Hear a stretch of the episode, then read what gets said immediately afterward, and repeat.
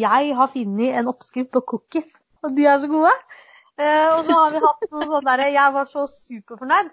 Eh, har to unger i hus som påstod at det var for mye sjokolade. Altså, det går ikke an. Er du sikker på de er dine? Nei! Det er det jeg ikke er. Jeg skjønner ikke hvor det kommer fra. Det hadde vært det ultimate beviset på 'switched at birth' for min del, hvis ungene mine syntes det var for mye sjokolade i noe som helst. Hva skjedde nå? Uh, og så var det en som var enig med de uh, om at uh, det var for mye sjokolade. Så skulle jeg bake en da runde med mindre sjokolade. Det hadde jo ikke gjort. Jeg hadde sagt mer til meg. Ja, men da hadde vi spist opp den runden, da. Da slå vi bake igjen med litt mindre sjokolade.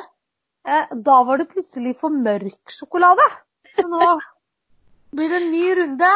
Mindre sjokolade, lysere sjokolade. Ja. Og du, hvis de da ikke liker den, så mer til mor.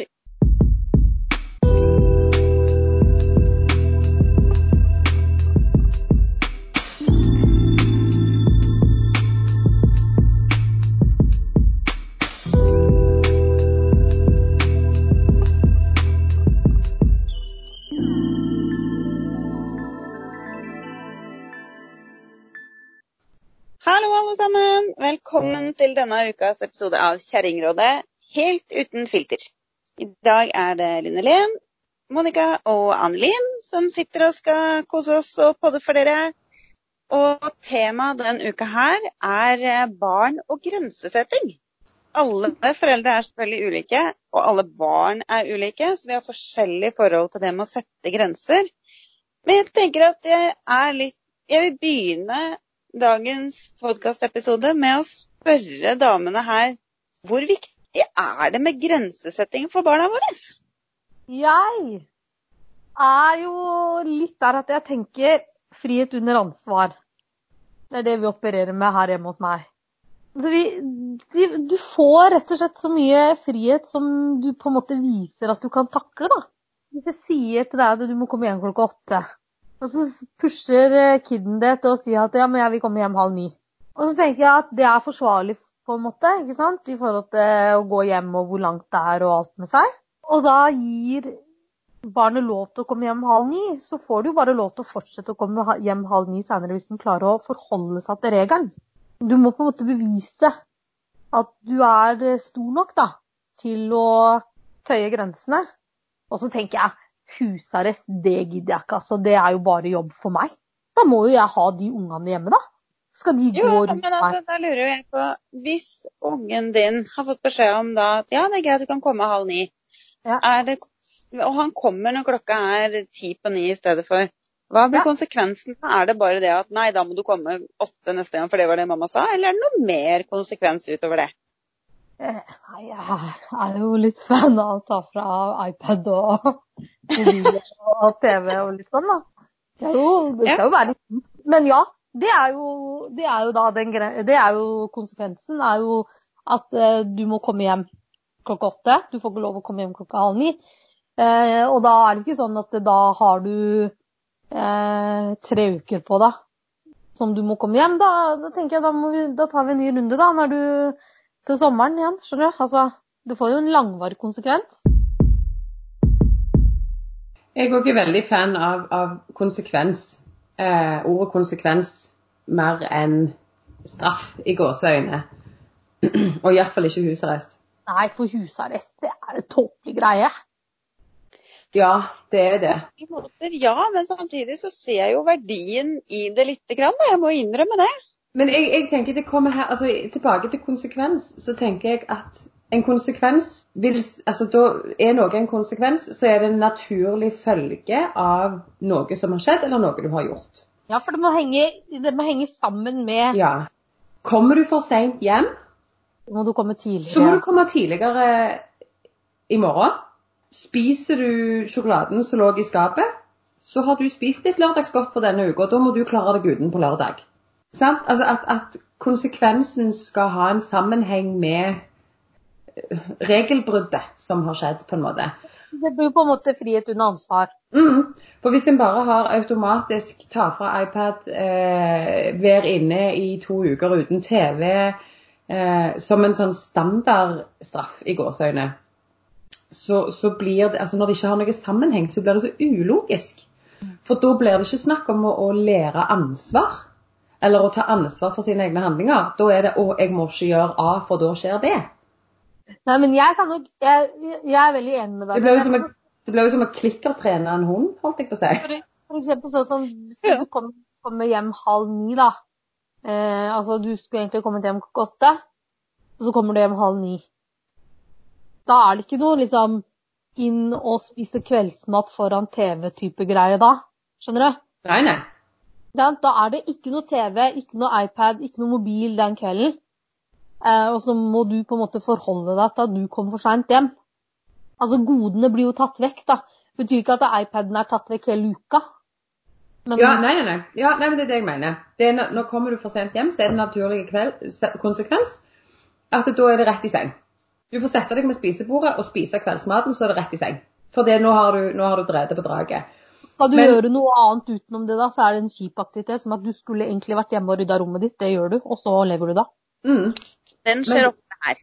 At du må rydde rommet ditt. Senest i dag morges. For da hadde jeg to barn som fant ut at de skulle stå opp klokka fem. Og, og etter å ha sagt ifra 15 ganger at nå måtte de slutte å kaste lekene sine veggimellom, og de fortsatt ikke hørte etter, så kom den derre Tourettes syndrom-varianten av mamma fram. Og så ropte jeg 'nå er det nok'! Går dere to opp, og dere rydder på hvert deres rom! Når dere er ferdig, så kan du komme ned og si unnskyld hvis dere har skjønt hva dere skal si unnskyld for. Men det er jo en naturlig konsekvens. Nå har dere re- hevet rundt på leker og tult. da får dere rydde opp. Det er en naturlig konsekvens. Roter du, så må du rydde etter deg. Men, men jeg må jo innrømme det at å sove til klokka fem hørtes jo helt magisk ut. Nei, vet du hva. Vi kan ikke ta med deg i det der greiene der, for du sover aldri. Men det som jeg tenker da er Hvis vi snakker litt om det her med husarrest, da. fordi at eh, eh, Der er tydeligvis jeg og Linn litt grann uenig. For jeg syns jo at husarrest er det mest tullete opplegget i verden. Jeg, jeg kan ikke fatte og begripe hva godt som skal komme ut av det. Det er jo å skape jobb for seg sjøl. er jo at den skal få lov at når jeg gir mine barn husarrest, for det gjør jeg innimellom Det er ikke lenge, men det er snakk om en eh, Det kan være et par timer, eller det kan være en ettermiddag hvis han har gjort noe veldig gærent. Altså, greia er jo at den faktisk må være på rommet og ikke få oppmerksomhet av meg eller andre som bor i min generasjonsbolig. Eh, og så må de faktisk forstå at- altså, Da må faktisk bruke litt tid på å tenke over hvorfor er jeg her, når jeg egentlig kunne vært nede sammen med mennesker jeg liker og gjort noe som er morsomt. Men da lurer jo jeg på Et barn som blir innestengt på rommet Jeg fikk husarrest når jeg var barn. Eh, I hytt og pinevær. For det Annelin, hun, hun var ikke Regler var litt sånn for pyser. eh, så, så jeg hadde titt og ofte husarrest. I går, altså, ja. Gå opp på rommet og vær der. Eh, og så var det grævla kjipt de første fem minutter. Og så begynte jeg jo å leke med et eller annet. Og når mamma da kom opp og sa at å, nå er husarresten ferdig, nå kan du komme ned, eller nå, nå kan du komme og være med og spise middag, eller hva som helst, da var jo jeg midt i en lek og hadde det steinkjekt. Og jeg hadde jo ikke et sekund tenkt over hvorfor jeg ble hevet opp på rommet.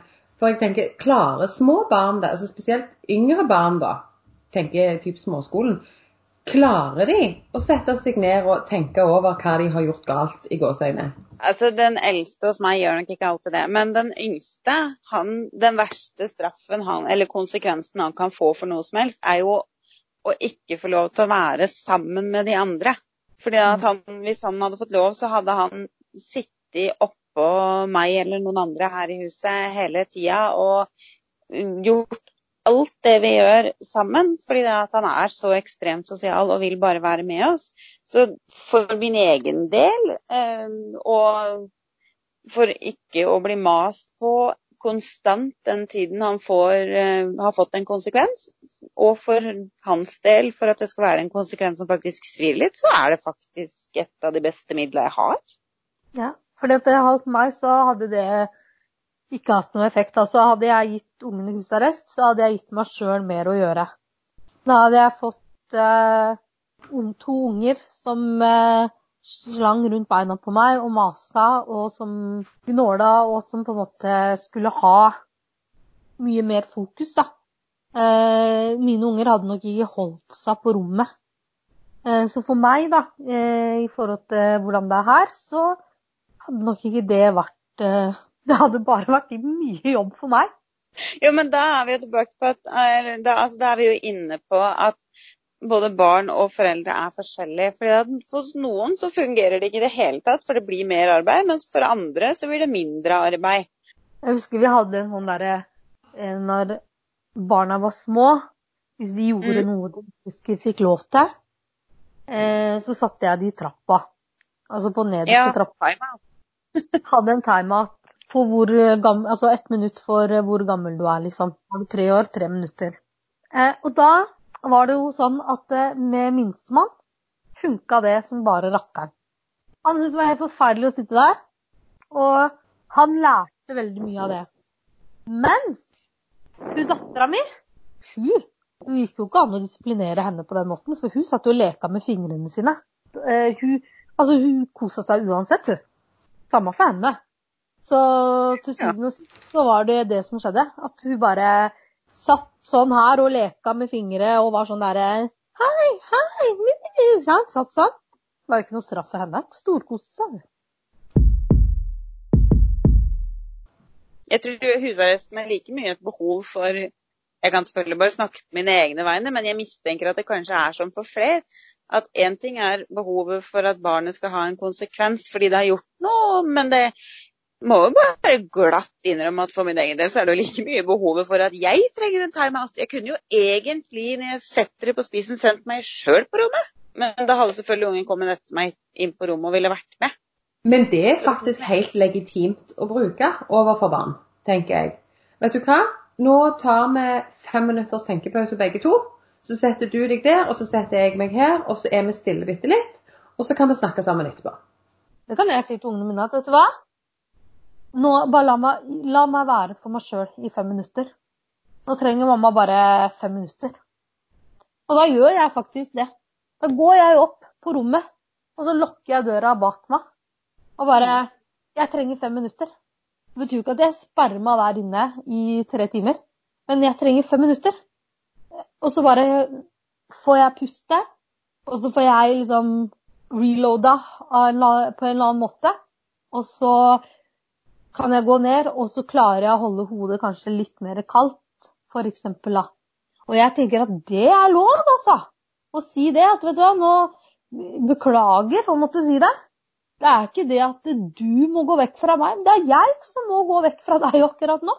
Altså, mm. jeg trenger ja, Og det handler jo ikke om å være eh, slem eller å være frekk eller å avvise barnet, men det handler om å synliggjøre det at som person ikke som voksen eller barn, men som person, så har man rett til og lov til å si nei, nå klarer jeg ikke mer.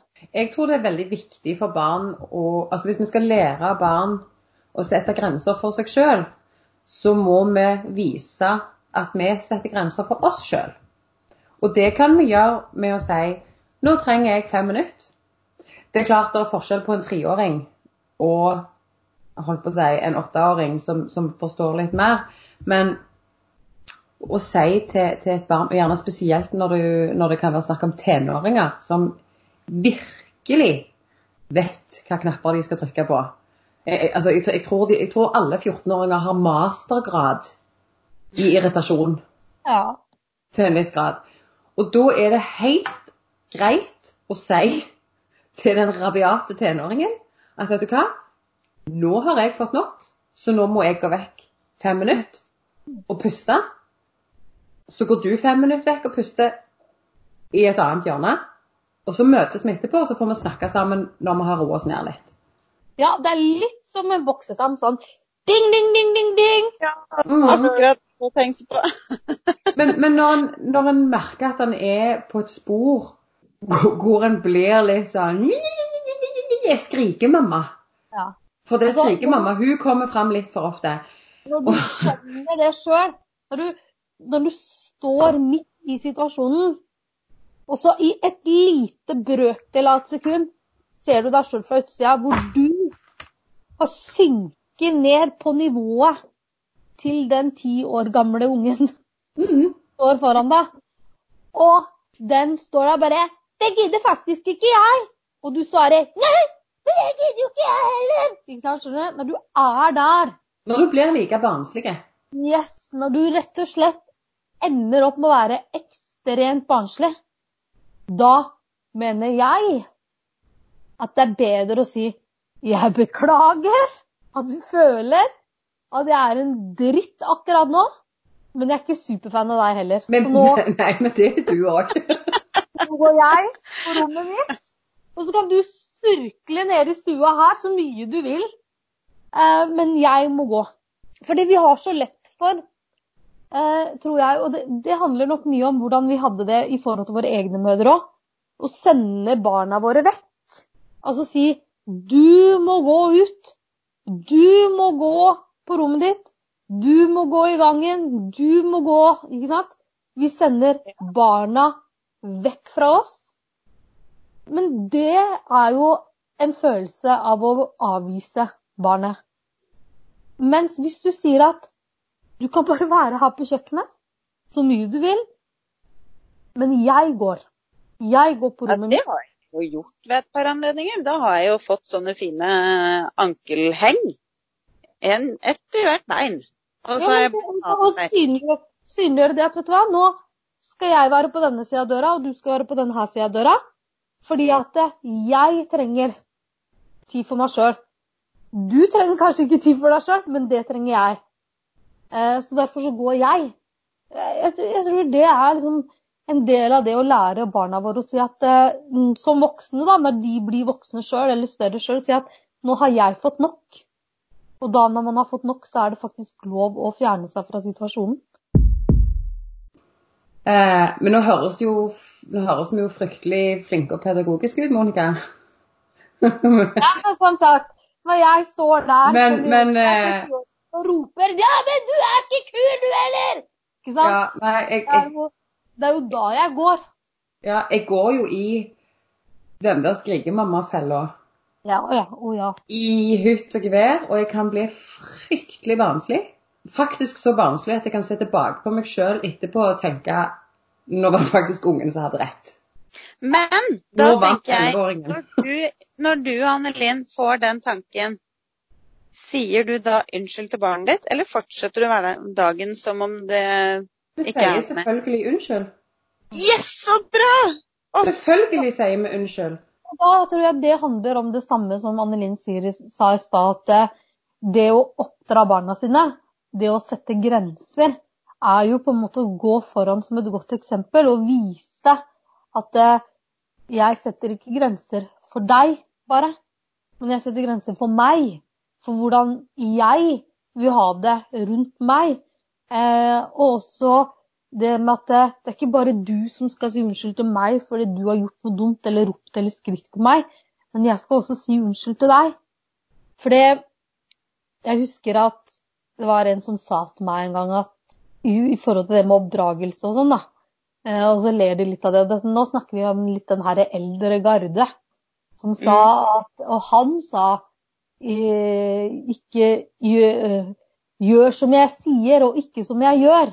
Og det er jo bare fifty shades of wrong. Det, det, det viktigste er jo faktisk ikke hva jeg sier når det gjelder å oppdra barna mine. Det viktigste er jo hva jeg gjør. Det er hva de ser. Jeg kan sitte her og være superpedagogisk og oppføre meg som en dust. Og da er det det de opplever. At jeg er en dust og ikke superpedagogisk. Og motsatt. det er ikke sant? Jeg kan si alle de rette tinga, men det hjelper ikke noe, da. Så si unnskyld, og Og, og liksom innrøm, da. Hvis vi ikke, som mødre ikke kan innrømme overfor barna våre at vi tar feil, hvordan skal vi da forvente at barna våre innrømmer at de tar feil? Nemlig. Og det, det tror jeg er superviktig. At de får se at foreldrene er, eller foreldre og omsorgspersoner, at vi er menneskelige. Vi går på en smell, vi driter oss ut. Vi klikker og sier feil ting. Vi kan gjerne si ting vi angrer på. Og, og rett og slett driter oss ut. Men at, at, det er greit å drite seg ut. Det er greit å gjøre feil. Så lenge du sier unnskyld og ordner opp etterpå. Men jeg har et spørsmål til deg, Annelin. Fordi at uh, du har jo barn med Eller du har det jeg kaller for bokstavbarn. Ja. Altså, de har jo halve alfabetet. Det var A, B, C, D, E, F, G. Ja, men det er jo helt eh, Det er jo tre barn med bokstaver. Det er jo mye. Oh. A, D, H, D, A, S, D. Ja, Det da var kan man det- halve alfabetet. Jeg har barn uten bokstaver. Eh, Jeg skal være så ærlig å si det, og det, har, det handler ikke om skryt eller noe, det handler bare om det konkrete. Jeg har to barn som ikke har noen sånne spesielle utfordringer. Eh, Det nærmeste jeg kommer, det er en sønn som kan slite litt med lesing. Men så går han jo tross alt bare i tredje klasse, så det er liksom ikke noen sånn alvorlighetsgrad på det. Eh, Og har barn som er for så vidt sterke sosialt og ligger godt eh, an i forhold til språk og full pakke. Jeg sier noen ganger til mine barn Hva feiler det deg? Eller Har det rabla for deg? Skjønner du? Når jeg bare drar ned rullegardina fullstendig, og jeg kommer inn døra med sant, fem handleposer og snubler i 15 forskjellige sko og jakker, og de krangler og kommer bare 'Mamma, vet du hva?' Den og den sa ikke sant? Og oppfører seg sånn, og jeg har ikke engang kommet inn. Og jeg blir sånn derre Nå er det nok! Hva er det som feiler deg? Er det lov med barn med 150 000 millioner bokstaver å liksom overreagere? Jeg håper inderlig det. For jeg overreagerer, til tross for bokstaver. Men da tror jeg det er ekstra viktig å si unnskyld etterpå. Eh, og, og på en måte snakke med barnet på en måte som barnet forstår. Men, men igjen, det kommer jo helt an på, på Altså for det første, hva er grunnen til at du klikker? Mm. Eh, hva, hvordan klikker du? Hva er forutsetningene til barnet? Altså, Jeg kan ikke klikke på han minste fordi han ikke snakker, fordi han kan ikke snakke. Eh, men, men det hender det hender jeg river meg i håret og omtrent roper 'Hva er det du prøver å si?' Mm. For det at det eh, eh, er ikke et ord. jeg tror det er så mange mammaer og pappaer der ute som, som tenker at eh, å, jeg kan ikke reagere sånn som det jeg gjør nå. Sant? De har dårlig samvittighet. Altså, det er jo det vi har aller mest som mødre. Det er dårlig samvittighet. Jeg tenker jeg klikker, holdt jeg på å si, men, men jeg overreagerer ofte. Og omtrent hver gang så tenker jeg uff, jeg burde ikke reagere sånn. Og så tar jeg meg i det og tenker vet du hva, jeg er faktisk bare et menneske, jeg òg. Jeg er ikke verken supermom eller unicorn-mom eller eh, fucking tooth fairy. Men jeg tror det er veldig mange som har barn med diagnoser, som føler det. At de må være supermam eller unicorn-mam. Skjønner jeg? At ingen er det. at det ikke er lov å reagere. Og jeg syns det er så fint at du sier det. Eh, at det er lov. Altså jeg tenker jeg er aleine med to barn. Det rakner for meg, altså.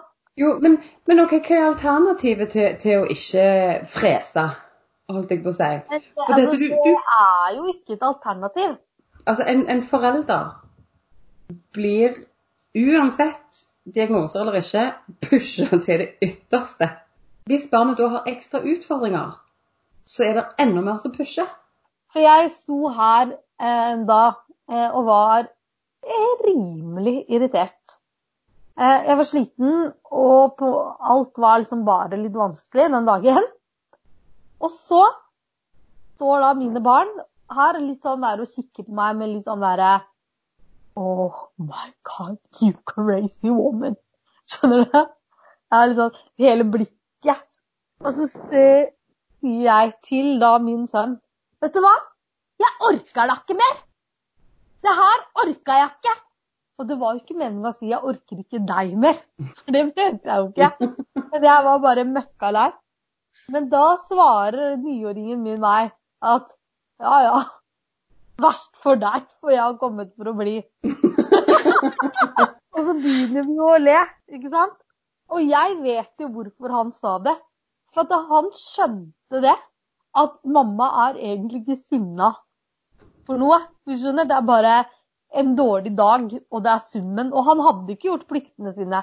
Og han hadde ikke gjort leksa si, og det var liksom, det var alt, liksom. Og da skjønte jeg det. Og da bare tenkte han, vet du hva, nå er det bare å sveive i gang humortoget! For nå skal det gå!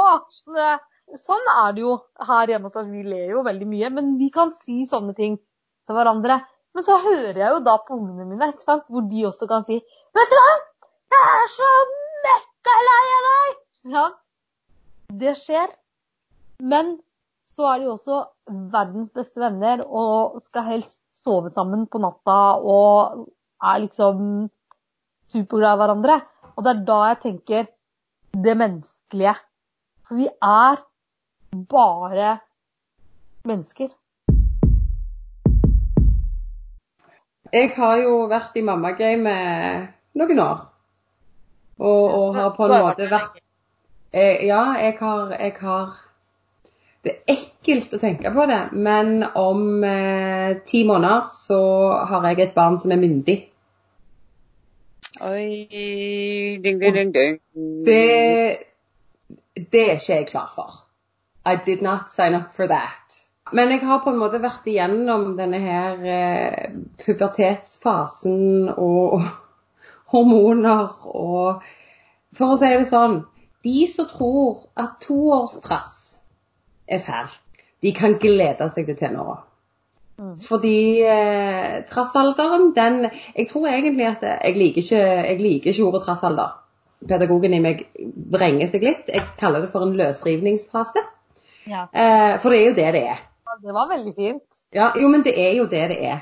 Ja, det er Det er jo en litt sånn Se for deg den her trassete toåringen i butikken som vræler og skriker og, og ormer seg ut av foreldrene sine armer fordi de vil ha smågodt. Dette er et lite menneske på to år som har oppdaget Hei, jeg kan bestemme hva jeg vil. Hvis jeg spør om noe, så kan jeg påvirke verden rundt meg. Jeg har en påvirkning på disse store menneskene som kaller seg mamma og pappa. Og, og har opplevd at de kan, de kan få det så de vil med å, å utføre en viss atferd. Og det er klart at da vil jo de teste det ut på alt. Og dette med å finne ut hvor går grensene for, for hva jeg kan få til, og hva jeg ikke kan få til, det er jo en kjempeprosess. Og den prosessen begynner når de blir to, og slutter når de flytter ut. Ja, Det slutter ikke helt da heller, føler jeg. Det holder på litt lenger. Det var så fint, for jeg snakka med en fyr, eh, og da snakka vi om ungene. Eh, og dette her er jo ikke et menneske jeg kjenner sånn veldig godt, egentlig. Men eh, han har da en datter som er sånn starten av skolen, som første, andre klasse ish. Eh, og snakka da om det med at eh, jenter på ti år, eh, det er eh, noe helt eget. Det er noe sånn superfancy greier som nok en gang jeg ikke signa opp for. Tror de er 15 og de eh, tenker de skal få lov til ting som er helt vi- altså er, De har jo ikke begrep på virkeligheten i det hele tatt. Og så sier jeg dette til han at jeg gleder deg. Liksom. Bare nyt det nå mens de er små. Gled deg. Og så svarer dette herre dumme, uvitende menneske. For det er det jeg tenker.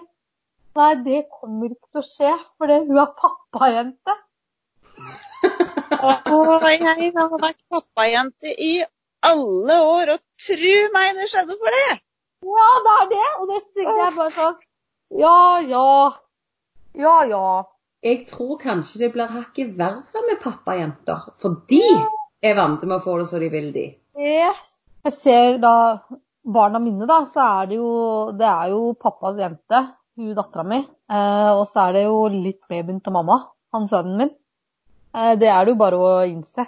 Men det vet de jo sjøl. Så hun sa jo det så kjekt. Ja, men pappa er mer svak for meg, sier hun så kjekt. Eh, og det var, det var helt klar over det, hun. Man ser for seg hvordan det skal bli å få barn. Ser for seg hvordan man skal være som mamma. Og det er ikke måte på hvor mange cupcake-bakende eh, pedagogiske mødre eh, som går gravid. Eh, og så skjer det noe når dette her barnet begynner å krabbe rundt på gulvet. Allerede da får denne her cupcake-bakende mammaen, eh, som bare tar sånne nydelige bilder av barna sine. Men du, det er jo ikke cupcakes. Det er jo, eh, det er jo selvfølgelig økologiske havremuffins med hjemmedyrka blåbær. Ja, ja, men det er nå. Når jeg, var, eh, når jeg ble mamma, så var det cupcakes. Mm. Det var det store. De Ikke muffins, altså. Nei, å nei, er du gal. Muffins, det er sukkerbrød med melis og De er en flate og tørre. Ja, med melis og så Nonstop på toppen. Mm. Cupcakesa, de er jo noe helt annet, vet du. Det er for guds skyld ikke samme grunnoppskriften, for det er du, du sikter inn mel i cupcakes, og det gjør du ikke muffins. Og så er det veldig viktig å lage en snurr, og helt med litt gloss. Skjønner du? Det må være litt sånn glossy. Eh, og helst regnbuens farger. Og det må være mye greier. Og de her mødrene her, de får jo sjokk når den her lille poden begynner å krabbe rundt og drar ned ting. For de har jo ikke tenkt på det at å, må jeg tilpasse hjemmet mitt til dette her barnet? Jo, de, gjerne, de har kanskje tenkt på det, men de har, vi har òg møtt mange førstegangsmødre som da har sagt at nei, vi er fast bestemt på at alle ting skal få stå der de står, fordi barnet mitt må faktisk lære seg at det ikke skal rive ned alle bøkene i bokhylla. Krystallvasen nederst. I dare you. Det er fryktelig mange gode mødre som ikke har fått barn. Ja, Og- men det er veldig mange gode mødre eh, som fikk barn på 80-tallet også. Ja, De men, mødre som fikk barn på 80-tallet, de er helt amazing. Men, men jeg, jeg syns òg at det, det er veldig mange som er gode mødre til tenåringer. Som sjøl er i 20-åra eh, og har én baby på et halvt år. Som har veldig mye meninger og kunnskap om, om hvordan en skal oppdra en tenåring. For det er jo ikke så lenge siden jeg var tenåring sjøl. Det er nettopp det. Og der må jeg bare innrømme at jeg har vært, altså jeg har vært innom det noen ganger. Og så har jeg klart å huke meg ut igjen og tenkt med meg sjøl at nei, veit du hva, jeg veit faktisk ikke hva jeg snakker om. Og at jeg var jo en helt forferdelig tenåring. Så så lenge de blir bedre enn meg, så går det greit. Jeg merker det spesielt i diskusjoner hvor det er snakk om jeg skal kjøpe alkohol til mitt barn, for da vet jeg hva de drikker. Mens all forskning viser at hvis du kjøper vin til barnet ditt, så drikker det den vinen du kjøper, og en hel haug andre ting i tillegg. Du trenger ikke forskning. For det er ikke, det ikke hjernekirurgi, dette her. Det er to pluss to blir fire. Så lenge det er alkohol i omløp, så drikker man til det er tomt. Jeg skjønner ikke hva problemet er. Nei. Og det som er greia, det er ikke så jævlig lenge siden jeg var tenåring sjøl. Men Men greia er Ja, bare altså, fortsett du, bare fortsett du, jenta mi. Ja, jeg- hører hva du sier. Men jeg, altså, jeg husker hvordan det var å være tenåring. Jeg husker å gå på, på tenåringsfester og, og i det hele tatt. Men jeg har også kommet langt nok vekk fra tenåra til at jeg evner å se tilbake på dem med, en viss, altså med et visst kritisk blikk, som kanskje jeg på 22 ikke har nådd å få. Så det handler jo ikke egentlig om det. Det det handler om, er jo at etter hvert som man blir eldre Det er så lett å si sånn man blir hysterisk. Nei, man blir ikke hysterisk. Det er bare at man skjønner hva som faktisk kan gå galt. Og det handler ikke om å krisemaksimere heller. Det handler om sånne helt enkle ting. Som at når du er 22 bare Ja, men jeg skjønner det, for det var ikke så lenge siden jeg var tenåring. Nei, exactly. Det er derfor du ikke skjønner det. Ja, du har ikke nådd å, å utvikle, du har ikke nådd å utvikle dette kritiske blikket. Du er ikke moden nok. Nei, du, men det er jo, det, forskning viser jo at denne evnen til konsekvenstenkning osv. er jo ikke fullt utvikla før du er 25. Så det at 22-åringer i det hele tatt får lov å stemme kjøre bil og få barn, er jo dritskummelt. Men altså, da, kjerringer, jeg tror vi begynner å nærme oss tida på ukas episode. Så tenker jeg at vi er tre forskjellige mødre, så kveldens konklusjon har jeg faktisk lyst til å kjøre treveis. Jeg eh, for min del konkluderer med i dag at jeg kommer nok eh, fortsatt innimellom til å gi barna mine husarrest. Fordi både jeg og barnet trenger pausen. Men jeg har også lært av de andre damene i dag at jeg har lov til å gi meg selv i gåstein husarrest, fordi jeg trenger den pausen.